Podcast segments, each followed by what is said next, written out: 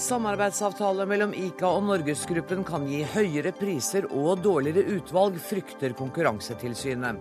Nei, det kan gi bedre konkurranse, sier ICA. Frp vil åpne for utenlandske spilleselskaper i Norge for å sikre større inntekter til idretten. Frislipp og konkurranse gir et uansvarlig spillmarked, mener kulturministeren.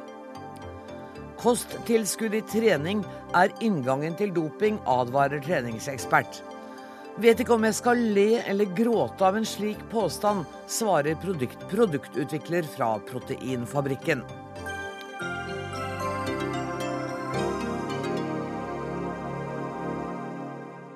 Dette er dagens saker i Dagsnytt 18, der vi også skal høre at Frankrike har gått til militæraksjon mot islamske opprørsstyrker i Mali. Men først skal det altså dreie seg om dagligvarehandel. I dag ble det kjent at dagligvarekjeden Ica har inngått en avtale med sin største konkurrent, som gjør at Norgesgruppen nå kommer til å styre mer enn 50% av innkjøpsmarkedet. Administrerende direktør i Ica Norge, Torbjørn Teie. I avisen kan vi lese at dere har gitt fra dere makta til deres største fiende. Hva er din kommentar til det? Vi har, eh, vi har, inngått et samarbeid for at vi skal kunne være i det norske marked. Vi har i eh, veldig mange år eh, tapt penger. Vi har tapt over 4 milliarder kroner i Norge. Og svenske eiere og hollandske eiere har puttet inn penger år etter år. Og det er klart at Min jobb det er å sikre de arbeidsplassene som vi har. Og vi kan ikke fortsette sånn. Det som er utfordringen vår, det er jo det at vi ikke har gode nok innkjøpsbetingelser. Har, Forklar. Nei, altså når, eh, når, man kommer i den situasjonen at man eh, mister markedsandel, eh, og det har vi gjort Ica hadde helt opp i 28% markedsandel. Nå har vi 12 mm. Og det er ikke så veldig mange år det er gått over. Og da er vi da i den situasjonen at vi har mindre å selge. Og vi har blitt da tilsidesatt kan du si, med dårligere betingelser fra leverandørene. Og, Men det er jo en naturlig konsekvens? Ja. Så du kan liksom ikke skylde på noen. Dere Nei. har ikke klart å gjøre jobben. Dere har mista markedsandeler, og da kommer dere i knipa. Det er helt riktig. Hva er det nå Norgesgruppen skal overta av driften av Vika? Nei, de skal ikke overta noe drift. De skal, de skal, eh, vi skal som andre aktører i det norske marked. Bunnpris har en sånn avtale hadde med Norgesgruppen tidligere. Har nå en avtale med eh, Reitan om felles innkjøp og felles logistikk. Vi inngår en tilsvarende avtale med Norgesgruppen, eh, med en eh, ikke helt integrert, sånn som bunnpris er med Reitan. Men vi inngår en avtale hvor de skal kjøpe inn for oss da hoveds, hovedtyngden av våre varer. Men for, hva ligger i det for meg som forbruker? Det som eh, dette gjør, og det er jo det vi er glad for, det er at vi nå kan da konkurrere og være mer offensive ute i markedet. Vi får bedre innkjøpsbetingelser, og vi kan slåss mer mot eh, både Kiwi og, og Rema og andre aktører som er der. Du sa at det som var viktig for dere når dere gjorde denne avtalen, var å bevare arbeidsplassene. Men det ryker vel noen arbeidsplasser? Det ryker arbeidsplasser. og Det er jo det som er den kjedelige delen av denne dagen her. Er, eh, for avtalen er veldig god, og det gir oss muligheter. Men eh, det går 350 arbeidsplasser i den eh, situasjonen vi er. Det er 10 000 ansatte i ICA Norge, og det er klart at det er dessverre den negative delen som vi må da ta mm. for at vi skal opprettholde de 10 000 arbeidsplassene. Du sitter her ved siden av konserndirektøren i Norgesgruppen, Per Roskifte. Dere kjenner kanskje hverandre, dere?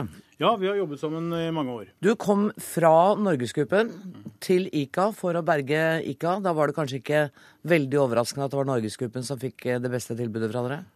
Eh, at Norgesgruppen kom med det beste tilbudet, det var jo hyggelig for, eh, for, oss. Eh, men det kunne like godt vært en av de to andre aktørene som er i markedet.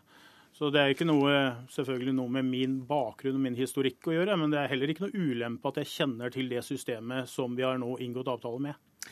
Ja, Konserndirektør i Norgesgruppen Per Ordskifte, med denne avtalen så styrer altså ditt konsern over 50% av innkjøpsmarkedet i dagligvarehandelen. Ser du at det er noen betenkelige sider ved det i det hele tatt?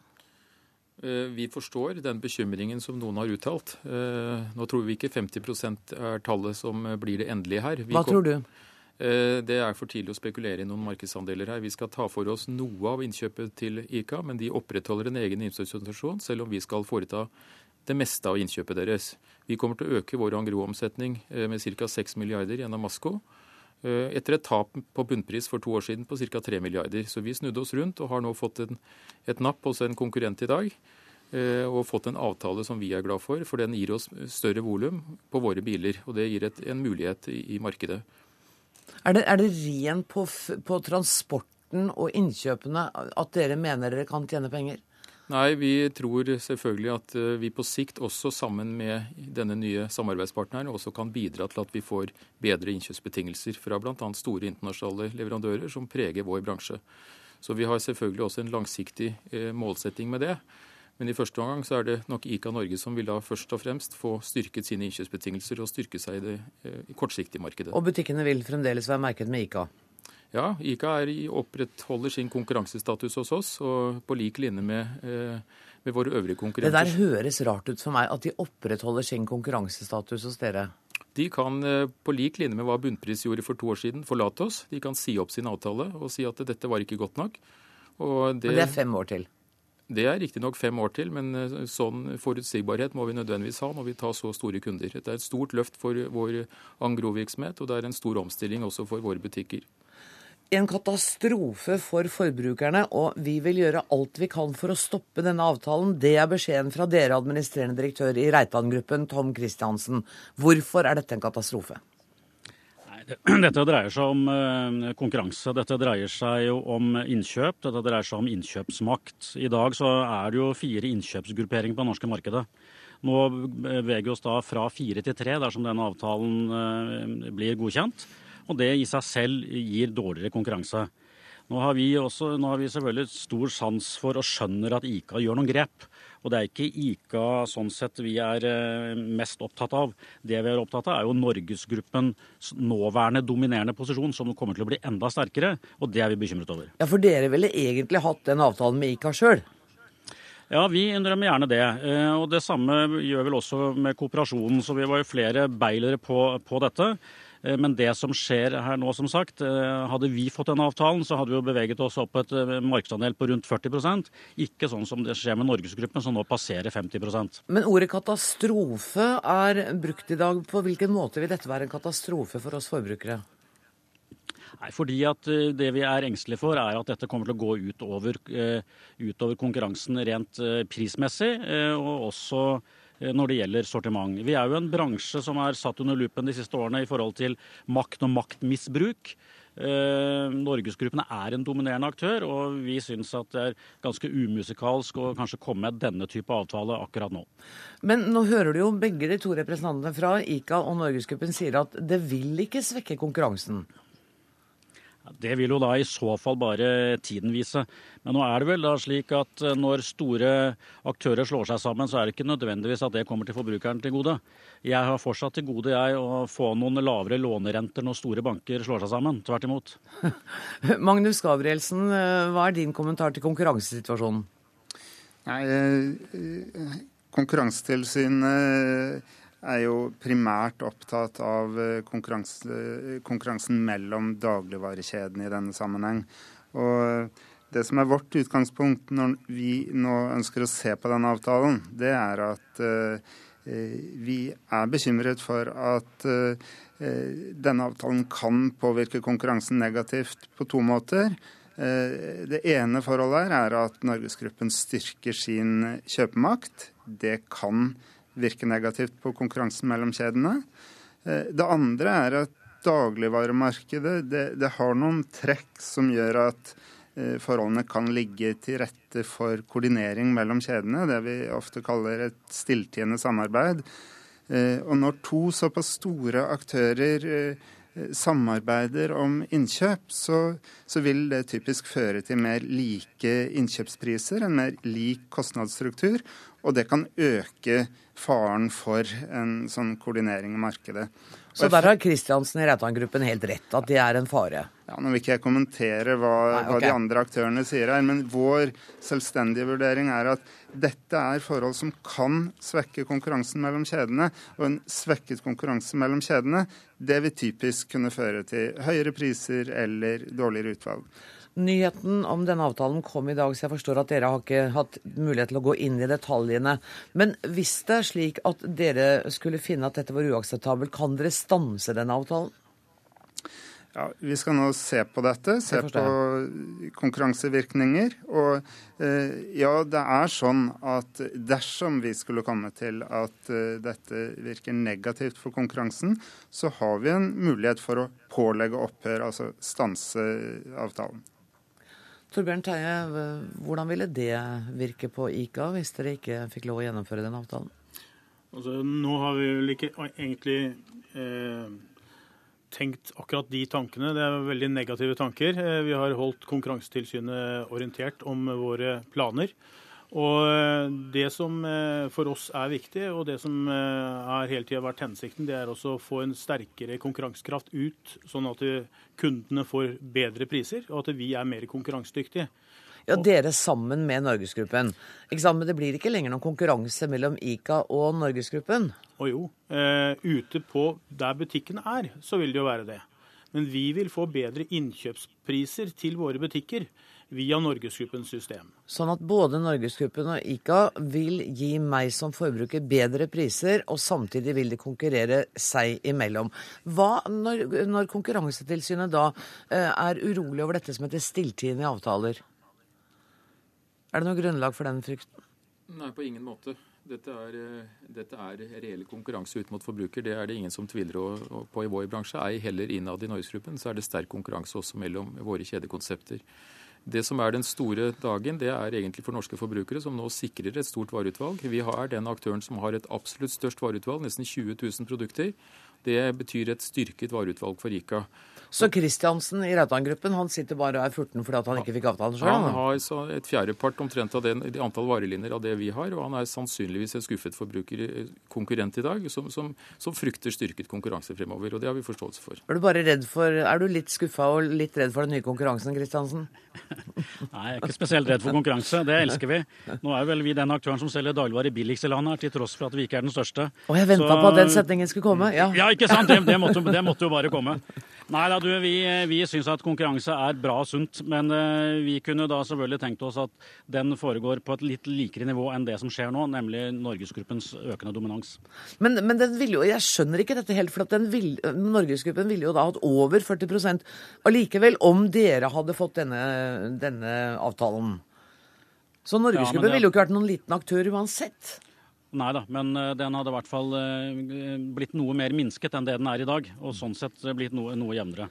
Og nå er det jo litt spesielt. da, jeg, i, i, dag, jeg tror jeg sjelden har sett en eller annen form for avtale som har fått så lite støtte og backing gjennom dagen. Og jeg, så, så, langt har jeg ikke sett noen som har uttalt seg positivt til denne eventuelle avtalen, faktisk. Jo da, det har vi fått fra mange leverandører, blant annet. Eh, Gabrielsen, da, da, må jeg bare spørre deg. Hvor lang tid vil det ta for uh, Konkurransetilsynet å avklare sin holdning til den avtalen? Vi har ikke noen uh, frist i denne type saker, så vi vil se på dette, vurdere det så kjapt som, som det er mulig, men vi kan ikke si noe om hvor lang tid det vil ta.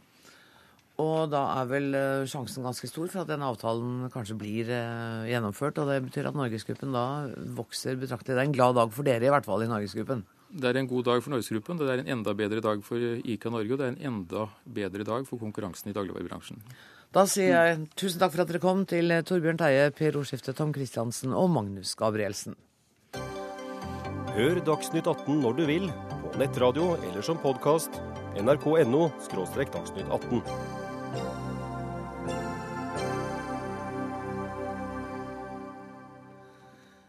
Vi nordmenn bruker om lag fem milliarder kroner på utenlandske nettspill hvert år. Nå vil Fremskrittspartiet åpne for det utenlandske spillmarkedet og tvinge utenlandske spillselskaper til å dele overskuddet. Dette vil kunne gi mer penger til norsk idrett, mener Frp.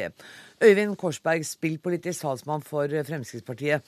Hvorfor vil dere åpne det spillmarkedet i Norge? Nei, Det er jo rett og slett fordi at vi ønsker at uh, det nordmenn uh, spiller på uh, av, av, spill, at midlene skal, si, en del av de midlene skal tilfalle norsk idrett og, og norsk kultur. Eh, når vi nordmenn spiller for ja, en plass mellom fem og åtte milliarder, det er litt usikre tall her. jeg var litt konservativ i anslaget ja, mitt, for jeg var ikke helt sikker. Jeg er ikke så konservativ.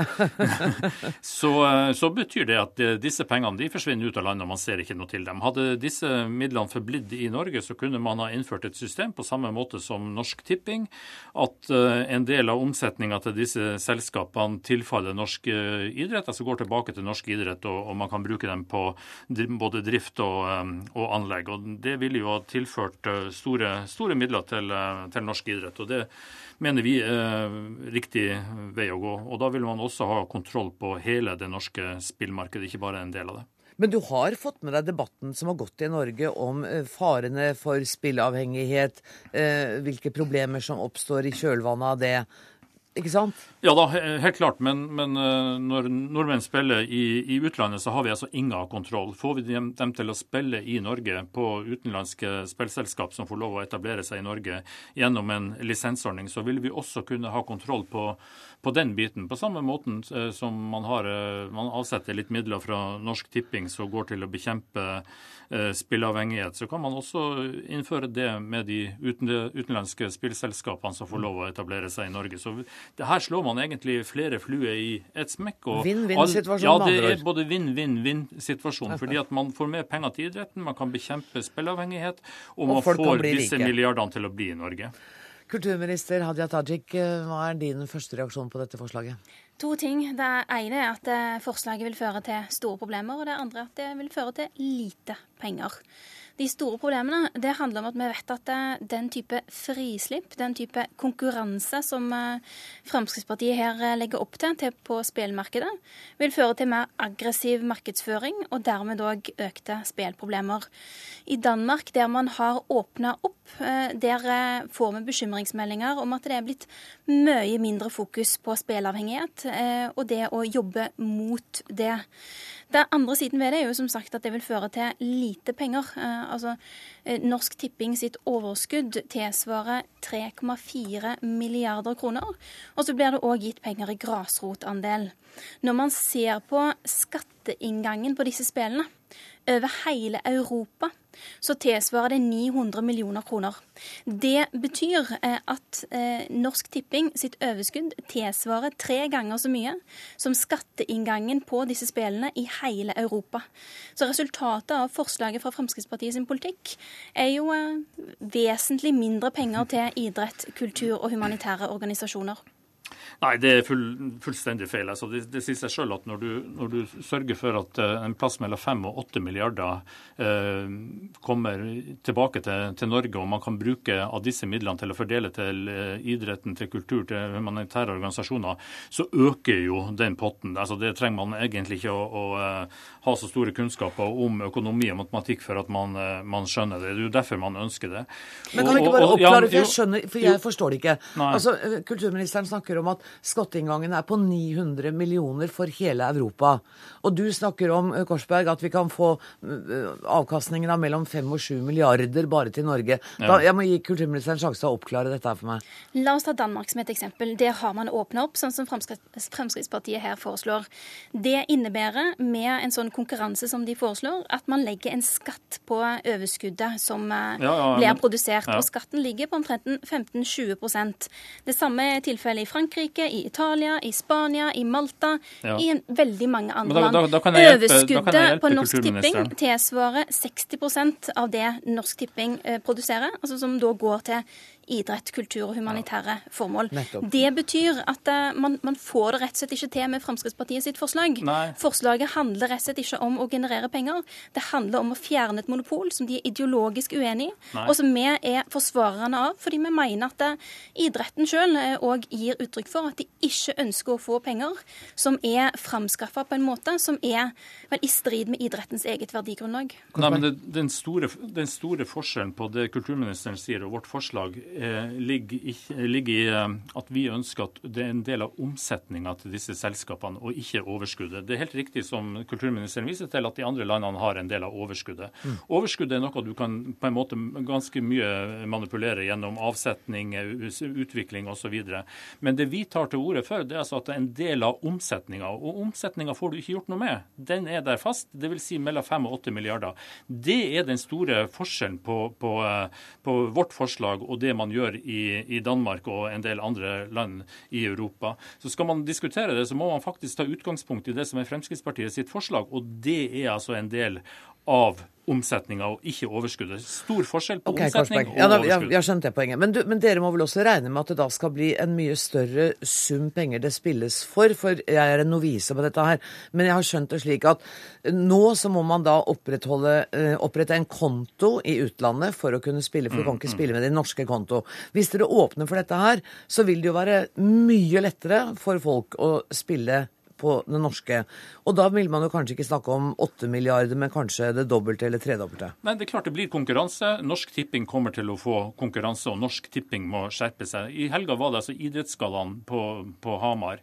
Og, og, det som er utgangspunktet for Idrettsgallaen, det er altså steinhard konkurranse mellom idrettsutøvere. Vi ønsker også den samme konkurransen inn i spillmarkedet. Men husk at det er staten som skal sette altså rammen, premissen for den konkurransen, sørge for at idretten blir den store vinneren, og at man kan også avsette midler til å bekjempe spilleavhengighet. Så det her er på, en, på mange måter et, et, et gullkanta egg som det er bare vinnere. Men da må kulturministeren tørre å diskutere innenfor de rammene vi har i vårt forslag, og det er en del av omsetninga og ikke overskudd. og Den vil jeg gjerne høre kulturministeren kvittere ut. Jeg likte godt det bildet med gullkanta egg. Ehm, det er et gullkanta egg, dette her, kulturminister. Jeg vil minne om at et egg ikke har kanter, eh, og det sier vel kanskje sitt om forslaget fra Fremskrittspartiet. Det er ikke realistisk med tanke på å generere mer penger. Og uansett så svarer han ikke på kjernen i spørsmålet, som handler om at man her legger opp til en veldig usunn konkurranse på spillmarkedet, som vil kunne generere mye mer spillgalskap og spillavhengighet enn det man ser i dag. Norsk Tipping har funnet den rette balansen mellom det å ha attraktive spill og det å ta hensyn til at vi ikke ønsker at eh, folk skal utvikle spillavhengighet. Vi har òg åpna for at Norsk Tipping nå skal ha internettbaserte spill, sånn at de i større grad skal kunne konkurrere med de spillene som man ser fra utenlandske nettsider. Og på den måten at òg de nordmennene som er interessert i den type spill, skal kunne bidra til at Norsk Tipping ja, genererer mer penger til idrett, kultur og, og Korsberg, det er vel nettopp det du vil til livs? Du vil at tippingen skal ha, Norsk Tipping skal ha mer konkurranse? Ja, altså Vi ønsker jo mer konkurranse, men det er ja. interessant å, å, høre at kulturministeren sier at Norsk Tipping skal bli mer aggressiv. og Det finnes vel ingen som har egentlig bedre mulighet til å markedsføre og mer aggressiv markedsføring enn Norsk Tipping, som får lov å sende altså trekningen sine og en del spill direkte på NRK, på statskanalen NRK, som når ut til alle sammen. Det er det vel ingen andre kanaler som, eller selskap som uh, drømmer om å få muligheten til. Tusen takk for at dere deltok i diskusjonen, Øyvind Korsberg og Hadia Tajik. Som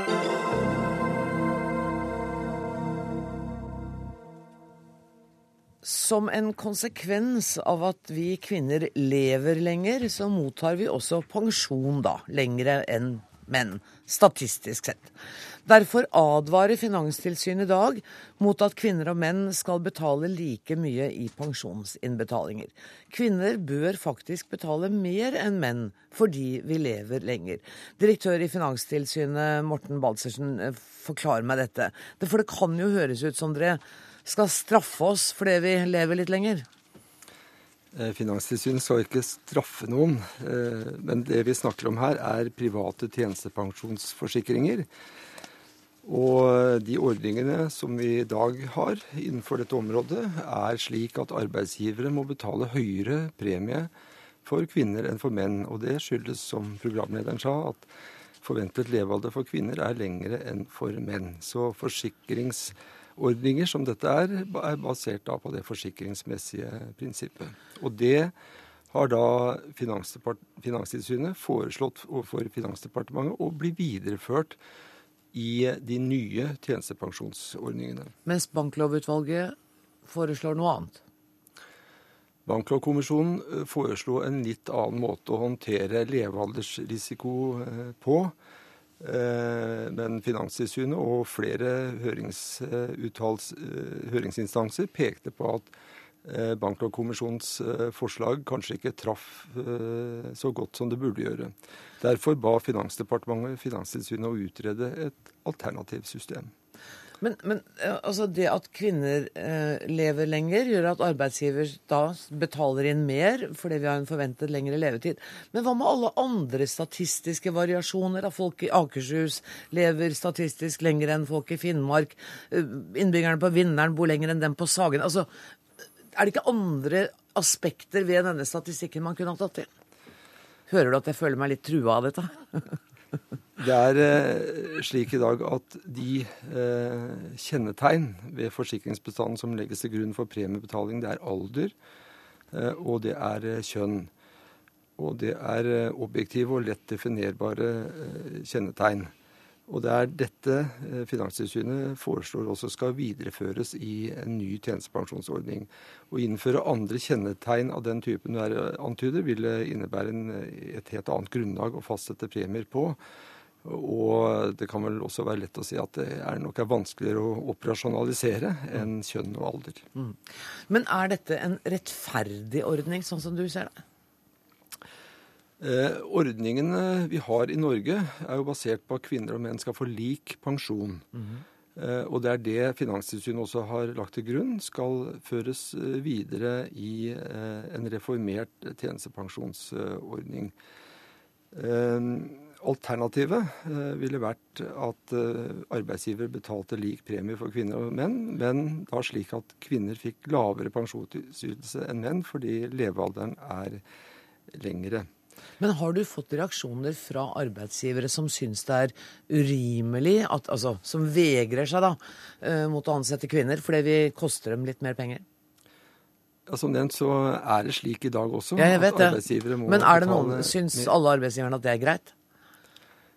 Dette er private tjenestepensjonsordninger ja. som er basert på forsikringsmessige prinsipper. Ja. Og da tror jeg nok uh, de som betaler disse premiene, mange av dem også forstår at forsikringsprinsipper innebærer at premien må reflektere den levealdersrisiko forsikringsselskapet påtar seg.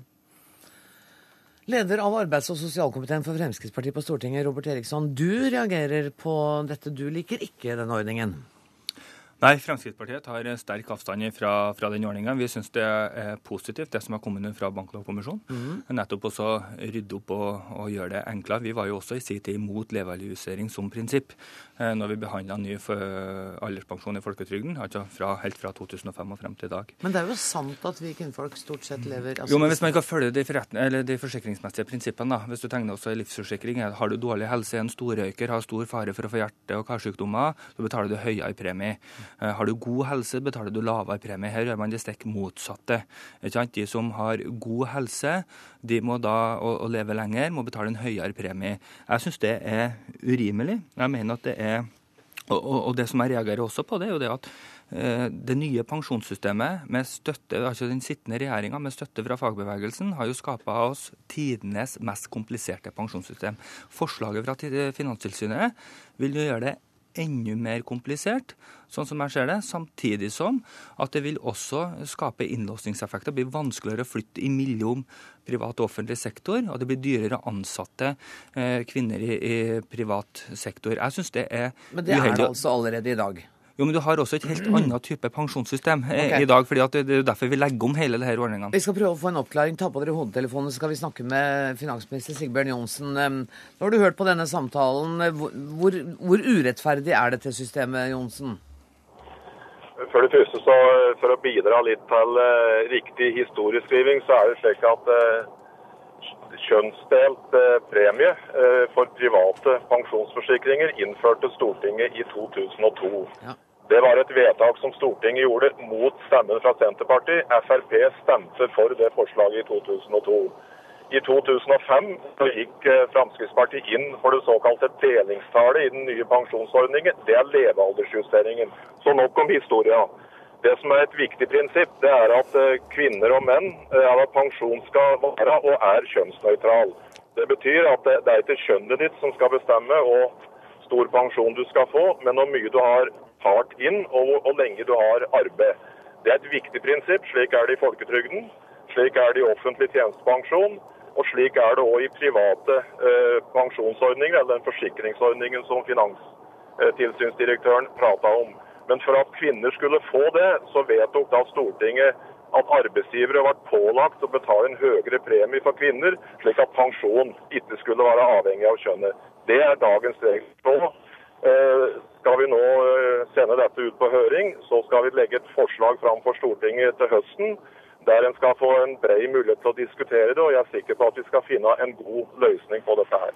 Ja, men med en god løsning, mener du en annen løsning enn den Finanstilsynet har skissert her i studio i dag? Som eh, Balsersen sa, så er det jo slik i dag at en har et, en har pålagt private arbeidsgivere å betale mer inn for kvinner for at de skal ha ja, jeg forstår pensjon. Det. Og, og, Da en drøfta dette i Stortinget i 2002, så var det et viktig spørsmål som var oppe. og Det var om det ville føre til at kvinner ble støtt ut fra arbeidslivet. Flertallet mente at det var liten risiko for det, derfor vedtok en forslaget. Nå er dette på høring, og så får vi se hva slags forslag vi kommer med til høsten. Jeg tror det er viktig nå at vi har en god høringsprosess, og så skal departementet gjøre en god jobb, slik at Stortinget får et godt beslutningsgrunnlag for å lage et godt pensjonssystem for framtida. Og inkludere den type pensjonsordninger. Jeg har lyst til å utfordre finansministeren litt. og så må Jeg si at jeg synes det er litt sånn synd at finansministeren da stopper historiebeskrivinga i 2005. Eh, og han gjør helt sikkert det med vilje. fordi at det var i 2005 når vi fikk den nye alderspensjonsreformen. Og fra det tidspunktet, både i 2007, 2009, 2011, 2012, så har eh, med alle sakene som har vært ut, så har Fremskrittspartiet konsekvent vært tydelig på at vi ønsker ikke levealdersjustering. Og det vet finansminister Sigbjørn Johnsen veldig godt, men det passer han veldig bra å stoppe historiefortellinga. Eh, og, og beskrivelser i 2005. Men, men mitt spørsmål til finansministeren er ganske enkelt. Vil finansministeren legge til rette for at man har en kjønnsnøytral opptjening også i privat tjenestepensjon i framtida? Altså at man legger til grunn det gode, gamle prinsippet fra, fra folketrygdpensjonen fra 67 med at det er antall år og inntekt som legges til grunn. Eller ønsker finansministeren å imøtekomme Finanstilsynet på dette området? For det svarer ikke finansministeren tydelig på, det er en ullen. Det, det, er interessant at Eriksson spør om det. for det at eh, I eh, denne innstillingen fra 2002 så eh, var, kom det fram en litt underlig konstellasjon, nemlig Arbeiderpartiet, SV og Fremskrittspartiet, som ba om at det ble utredet en mulighet for forsikringsselskapet til å tilby såkalte tilby tjenestepensjoner med kjønnsnøytrale premier, altså lik premie for kvinner og menn. Jo, Men Sigbjørn, du vet like godt som meg at vi har et helt annet pensjonssystem i dag. Vent litt nå. Det forslaget fremmet eh, Stoltenberg-regjeringa i 2006, og der stemte jo hele Stortinget for at det skulle åpnes for en mulighet til å tilby den type ordninger dersom forsikringsselskapet mente det var fornuftig, og dersom eh, bedrifter ville være med. Så den ordningen er der faktisk i dag. Eh, men det som nå er poenget, er å finne gode overgangsordninger mellom nåværende ordninger og, og nye ordninger. Og her er forslag ute på høring. og jeg er sikker på at vi skal finne gode løsninger uten at eh, jeg verken skal eller kan forskuttere bestemte løsninger akkurat i dag. Øystein Gjelsvik, du er utredningsleder i LO og du var medlem av Banklovkommisjonen. Hva er din holdning til dette? Jo, altså Balsersen her har jo fått et eh, begrensa mandat, nemlig å spørre Han har jo fått spørsmålet hva gjør vi med dagens ordninger? Mm. Og de videreførte som er bedriftsvise pensjoner. Og da er det nok et problem som han påpeker, at enten må det da premien være høyere for kvinner enn for menn, eller så må pensjonen være lavere for kvinner enn menn.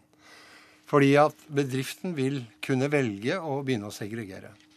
Så, eh, når, men hvis du derimot danner større risikogrupper her, slår sammen bedriftsvise pensjoner, slik som vi har i kommunal sektor, så kan du ha en kjønns- og aldersnøytral premie. Fordi da vil det jevne seg ut? Ja, for det jevner seg ut i det store kollektivet. Ja, så det er jo det som er problemet med de private tjenestepersonene, at det er stykkevis og delt. Du får, du får, den pensjonen du tjener opp i en bedrift, og så når du er ferdig der, så får du en fripolise. Den reguleres ikke. Så når du går fra, eh, fra bedrift til bedrift, så får du i sum mye mindre pensjoner enn om du står i samme bedrift. Problemet sånn som jeg ser det, er at det er kvinnene som er taperne uansett. Enten så betaler de mer i pensjon for å få det samme som mannen, eller så betaler de det samme som mannen og får mye mindre i pensjon. Ja, men ikke hvis, ikke hvis vi gjør noe med pensjonssystemet. Men det har det jo hittil ikke vært så veldig stor Nei, vilje til. Men det skyldes jo at arbeidsgiversida er veldig kritisk til å gi slipp på den bedriftsvise styringen over pensjonene. Er det det Ja, som Mener LO er det. arbeidsgiversida som har skylda for at kvinnene kommer dårligere ut her nå? Ja, arbeidsgiversida har skylda for at det er bedriftsvise pensjoner. De insisterer på å ha styringsrett over hver enkelt ordning, og vil ikke ta noe ansvar for opptjening i andre, i andre bedrifter. Ja, da får du stykkevis og delt opptjening. Ifølge Fremskrittspartiet er det. Arbeiderpartiet og regjeringa som har skylda for at det er så urettferdig. Ja, men det er bare tull. Nå, nå må nesten Fremskrittspartiet få svare på det. Kunne du ten er, det, er det et forslag dette med å gå inn i større ordninger, ikke bedriftsvise, men, men at man har um, samlinger av flere bedrifter? Ja, jeg er opptatt av at vi skal finne gode eh, og, og fleksible pensjonsløsninger for eh, også privat sektor. Eh, og vi har hatt en forholdsvis stor omveltning i pensjonssystemet siden i 2007 og frem til i dag. Det er derfor Banklovkommisjonen ble nedsatt, nettopp for å se på hvilke overganger man skulle ha til private tjenestepensjonsordninger i forhold til det nye pensjonssystemet.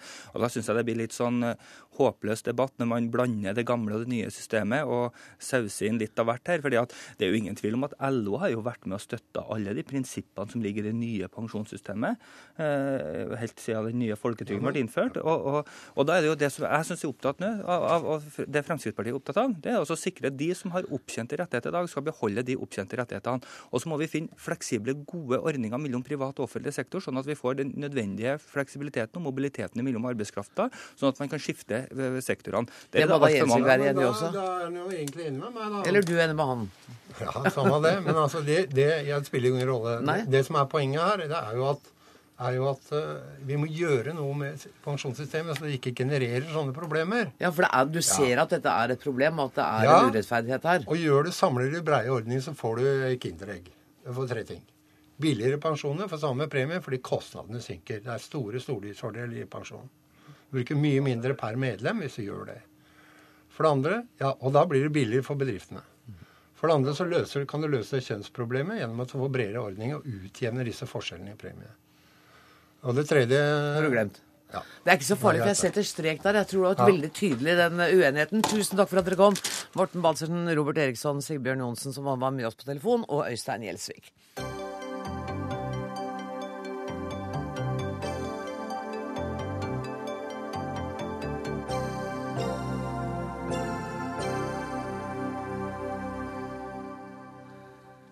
Vi skal til Mali nå.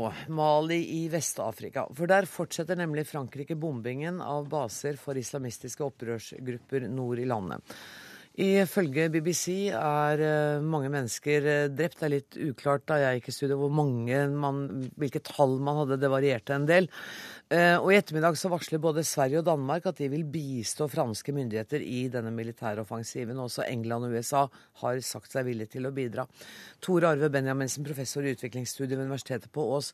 Hvordan ser du på situasjonen i Mali nå?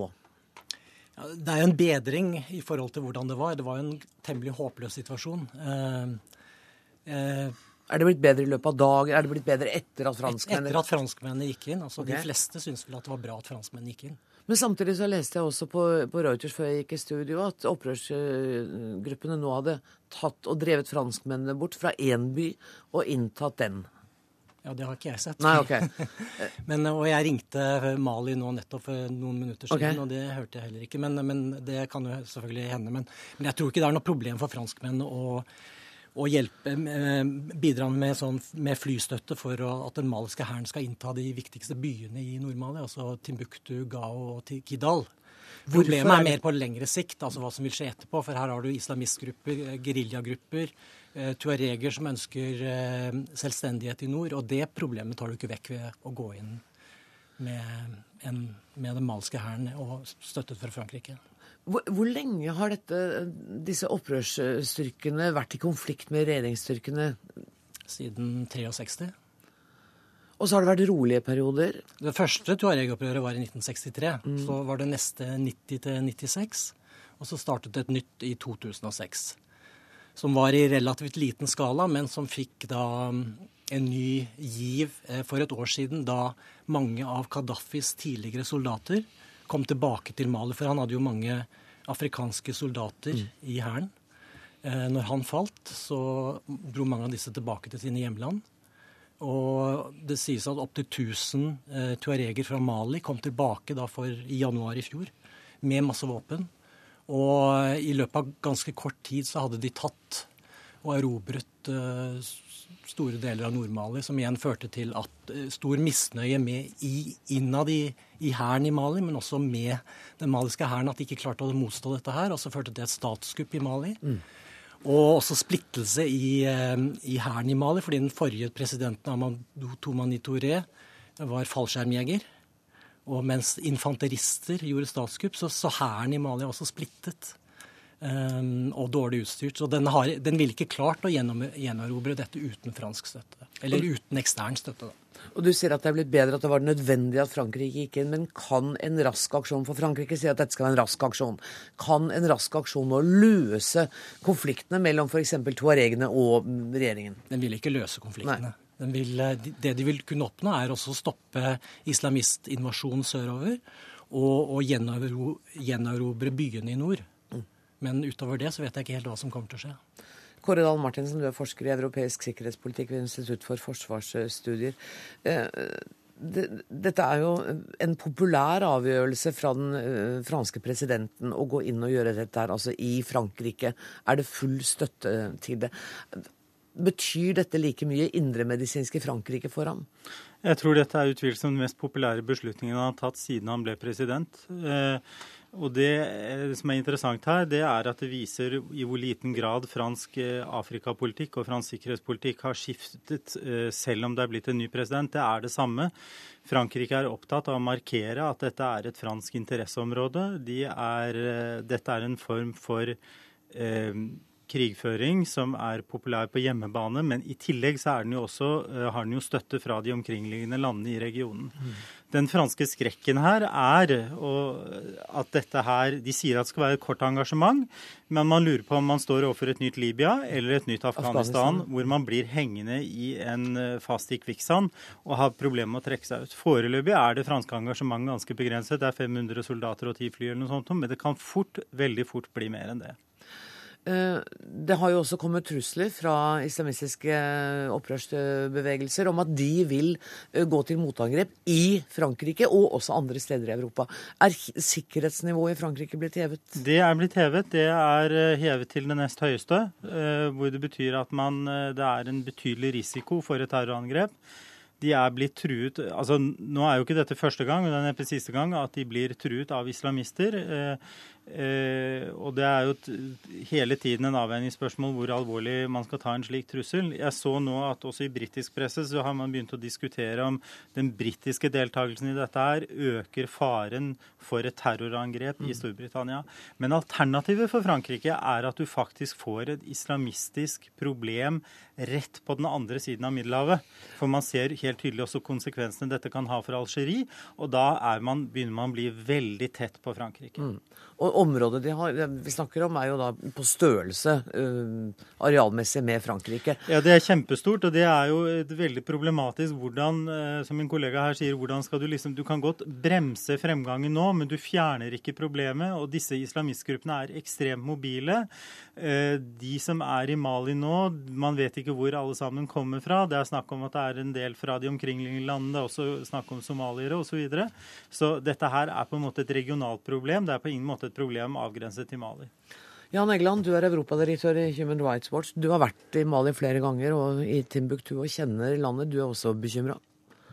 Ja, i høy grad. Eh, og det tragiske er jo at Mali var lenge et, et slags positivt unntak i den delen av verden. Altså det, Fra den norskstøttede eh, fredsprosessen på midten av 90-tallet, Kåre Lode, Kirkens Nødhjelp, var fødselshjelper til en veldig flott forsoningsprosess.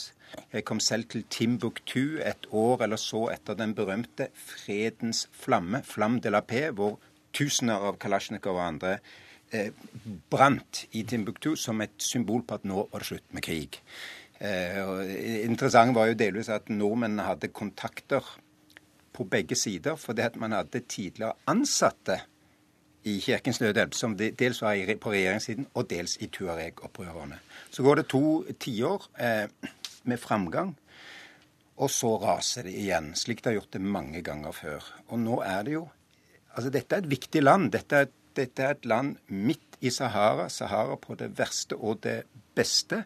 Her går det smuglerruter for narkotika, her går det menneskehandelsruter, og her kan det bli fristed for all verdens forferdelige grupper, men det kan også komme tilbake til å være et positivt unntak i Afrika. Eh, derfor er det altså viktig at verden engasjerer seg. Og derfor er det viktig at man går inn militært? Du støtter, støtter du uh, militæraksjonen fra Frankrike? Eh, altså det er, vel, det er, vel, ingen tvil om at disse islamistiske, ekstremistiske gruppene var på vei mot hovedstaden, Bamako. Uh, og det er virkelig ekstreme, forferdelige grupper. Human Rights Watch har dokumentert at de står for amputasjoner, pisking, barnesoldater osv. Men det er jo også en grunn til at tuareger og islamister osv. har framgang, og en av de er vannstyret fra eh, regjeringens side, ikke minst da militæret, som også gikk løs på sivilbefolkningen. Og eh, tuaregiske menn og arabiske menn. I dag skal Sikkerhetsrådet i FN diskutere denne situasjonen. Hva kan være utfallet av et sånt møte?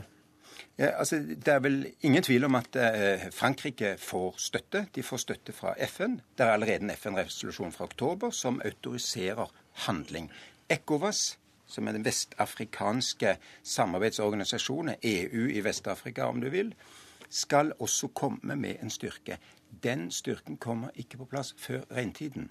Så det store strategiske dilemmaet for franskmennene er skal de dundre løs nå fra luften i de neste åtte ukene før regntiden, eller skal de ligge litt, litt lavere og vente på at det kommer, dessverre for sent, den store styrken fra Afrika, som er virkelig håpet for at det skal være endring. For Frankrike kan ikke bombe seg til en løsning fra lufta. Mm. Ta dere hodetelefonene. Vi har kontakt på telefon med statssekretær i Utenriksdepartementet, Gry Larsen.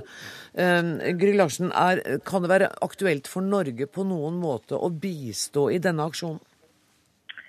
Eh, det vi har sagt, eh, det er at når det gjelder eh, akkurat det som har skjedd i helgen, så støtter Norge den franske aksjonen mot de islamistiske opprørsgruppene i Nord-Mali. Grunnen til det, det er fordi at aksjonen skjedde på anmodning fra maliske myndigheter, eh, og også var i tråd med oppfordringa fra FNs sikkerhetsråd til alle medlemsland om å bistå Mali mot terrortrusselen fra opprørsgruppene i nord. Og Det som er bra, det er, og som også er verdt å merke seg, det er jo at Aksjonen har veldig bred støtte fra maliske myndigheter, fra afrikanske land, men også fra vestlige eh, land. Men når det gjelder eh, bidrag, så er det på det nåværende tidspunktet ikke aktuelt å bidra med militært materiell eh, til den nåværende situasjonen.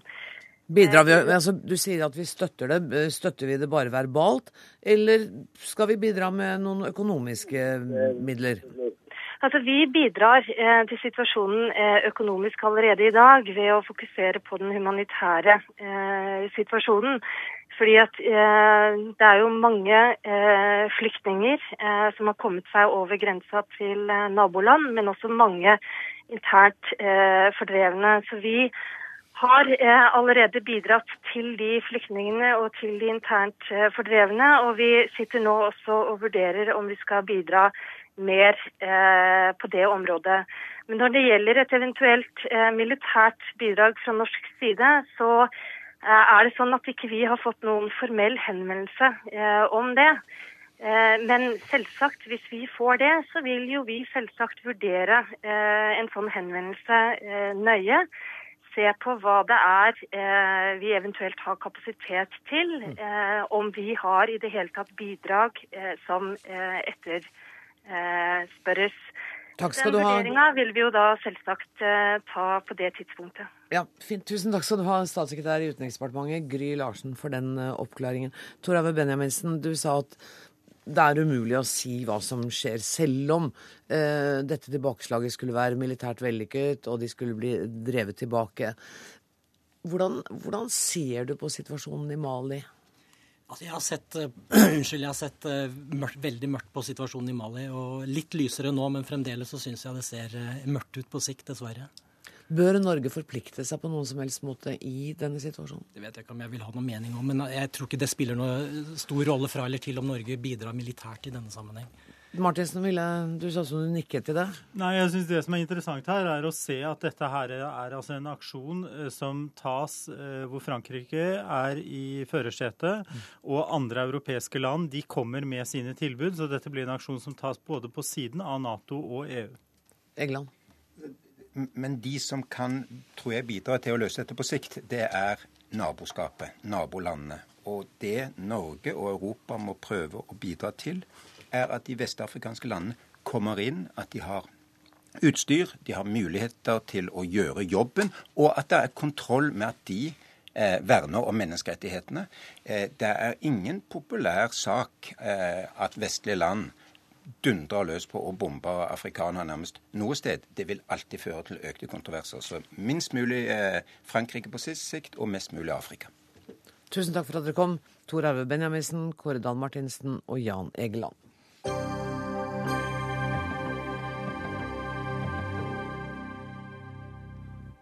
Et kraftig temaskifte igjen her i eh, Dagsnytt 18. For vi skal snakke om proteinpulver. Proteinpulveret som skal hjelpe til å bygge opp kroppen, kan være inngangen til doping. Det mener du, treningsekspert eh, og mye brukt her i NRK, Yngvar Andersen. Um, angrer du, etter, etter at du har sett alle de utallige reaksjonene du har fått mot deg, angrer du på den uttalelsen nå? Nei, jeg, eh, jeg syns det er det er flott, og, eh, og, jeg var vel ikke uforberedt på det. Nei. Så jeg ønska jo å reise en, en, debatt rundt det, og dro på voldsomt, det må jeg si, nettopp for å, for å få eh, folk til å reagere og, og få litt eh, blest rundt eh, denne tematikken, rett og slett. Ja, for Så vidt jeg ser, så har du ikke sagt at disse proteintilskuddene er farlige. Det er ikke innholdet i dem, men det er bruken av dem, og hva det kan føre til. Og fortell nå. Ja, altså, eh, Det er helt rett. Eh, I seg sjøl, eh, iallfall de som er rene, og det regner jeg med at f.eks. Proteinfabrikken sine produkter er. Det finnes mange eksempler på det motsatte òg, men, men, det har ikke noe med denne saken å gjøre. Det jeg ser og hører, er at dette her blir på en måte en inngang til, for en del, det som jeg Altså inngang til doping, ved at en starter et løp der en søker snarveier det blir en kultur, en tankegang om at eh, hvis jeg bare tar dette og dette og dette, så skjer noe med kroppen min. Og motivet for mange unge, for det er jo de unge jeg er opptatt av her spesielt, det er jo naturligvis å se best mulig ut. Eh, fettfrie kropper med ganske mye muskler. Både for kvinner, og, eller for jenter og for gutter. Eh, og det er klart at eh, når en samtidig begynner å trene, og trener bra, og tar tilskudd, så vil en jo fort konkludere med at det er pga. dette at dette skjer så vil det ofte stagnere. En ønsker å komme videre. En leser blogger. En eh, eh, ser lokale forbilder på treningssenter som forteller om hva de gjør. Aha, jeg har denne kroppen, han eller hun har den kroppen. De tar dette tilskuddet òg. OK, da prøver vi det. Så står en i ro. Det er da jeg tenker at en har begynt på en vei der en søker stimuli for å få flottere kropper, for å bli sterkere. Og da er det er mer naturlig å bli frista av det som er voldsomt lett tilgjengelig i dag. Eh, rundt omkring i landet. Det har jo nettopp vært avslørt en stor, eh, stor sånn eh, produksjonsavdeling oppe i Trondheim. Det er ikke vanskelig å få tak i. Nettet er der. Eh, og jeg, jeg, tenker at det er menneskelig. Eh, når jeg var, var, var, under 20, så skal jeg ikke Jeg er ikke helt sikker på at ikke dette her har vært fristende for min del. Jeg tror voldsomt mange kan bli som Steffen Kjærgaard. En har de beste intensjoner, kommer inn i en tankegang, inn i et miljø. Tilbudet er der. Fristelsen blir for stor. Men, men, når du sier at du skjønner at proteintilskudd kan man ta, for man ser at, at det hjelper. Men, men, mener du at du kan oppnå akkurat de samme resultatene med trening ved bare å spise fornuftig? Ja, er, ja det, det, det, mener jeg. Men det, det, er ikke bare proteintilskudd dette her gjelder. Men det er veldig mange humbug-varianter på treningsfronten, enten i form av piller, pulver eller produkt, som folk kjøper. Og samtidig sette i verk tiltak på treningsfronten. Altså Med å begynne å gå tur eh, i, i, forhold til å ikke gjøre det før, så går en jo ned i vekt, selv om selve produktet etter ikke noe protein gjøre, ikke virker. Eh, så jeg mener ja, en kan få til det samme. Eh, spesielle tilfeller finnes det definitivt. Og jeg syns at eh, Antidoping Norge har en fin setning om dette. Og det er at eh, for idrettsutøvere så bør kosthold, trening, restitusjon, søvn, altså alt være optimalisert før en vurderer bruken av det. Altså som en eventuell siste, siste peak. Og da er en sannsynligvis langt opp i 20-åra og nære verdenstoppen. Alexander Kirketeig, eh, du er produktutvikler i Proteinfabrikken, og du skal få lov å bare forsvare proteintilskuddene og ikke annet kakesalveri, for det skal du ikke du ta ansvar for. Den er god. Men, men, men, du har sagt at du visste ikke om du skulle le eller gråte da du hørte dette her i dag? Nei, altså, jeg, jeg syns Yngvar her snakker opp proteintilskudd. Um, jeg har jo lyst til å egentlig bare si hva, hva proteintilskudd er for noe. Uh, protein, eller myseprotein, som vi selger mest av, det er et restprodukt etter, eller et overskuddprodukt av osteproduksjon. Det er altså et melke, melkebasert protein, uh, som da blir tørket uh, og gjort i pulverform. Fordelen med, med, dette proteinet er at det er, har en høy andel med aminosyrer som vi trenger etter trening.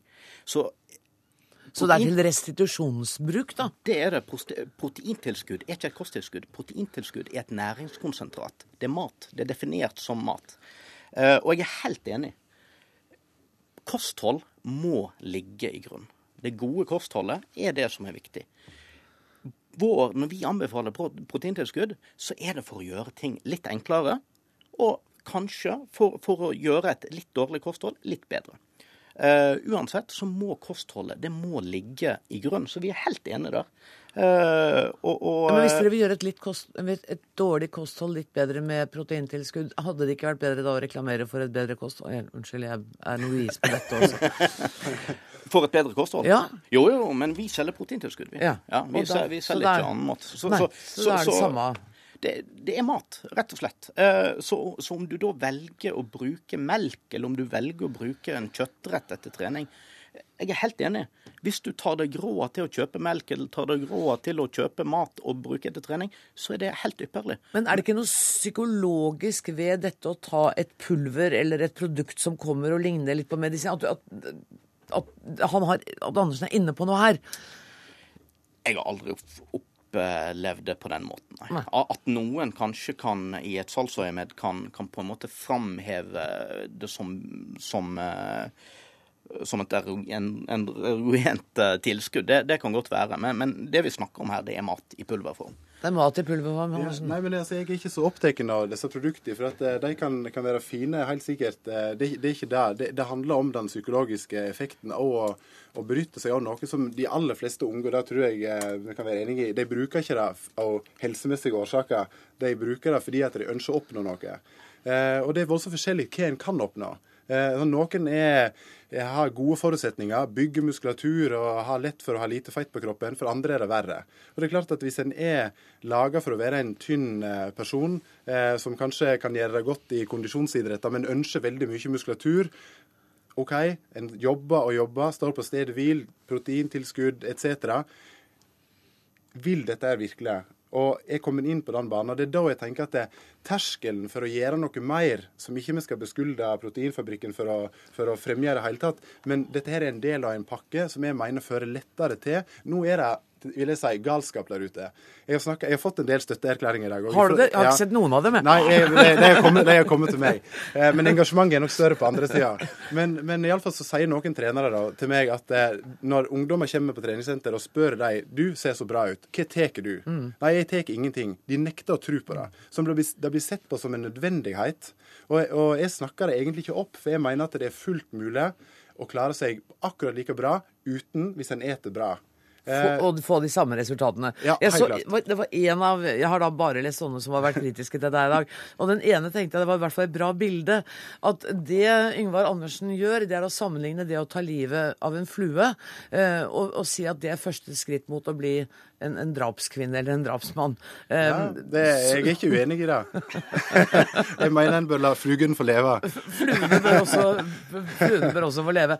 Alexander Kirketag, jeg vet ikke om dere ble så uenige. Dere, dere, du har vel ikke forandra noen oppfatning om ditt eget produkt, tenker jeg? Jeg har i hvert fall ikke blitt overbevist. Uh, og, og som sagt, det, det, det Yngvar er inne på her, det er jo at det er stagnasjonen som eventuelt uh, er, er problemet her. Uh, og, og, da tror jeg Jeg tror nok ikke, og det finnes nok ikke, noe, noe forsøk eller noen uh, vitenskapelige bevis for at, uh, at en har senka terskelen for å begynne å dope seg med å bruke Nei, Der må vi sette strek. Om elleve sekunder skal vi være ute av dette studioet. Jeg sier tusen takk til Yngvar Andersen og til Alexander Kirketeig. Dagsnytt 18 er slutt. Ansvarlig var Dag Dørum. Det tekniske ansvaret av Karl Johan Rimstad. Jeg heter Anne Grosvold. Takk for i dag.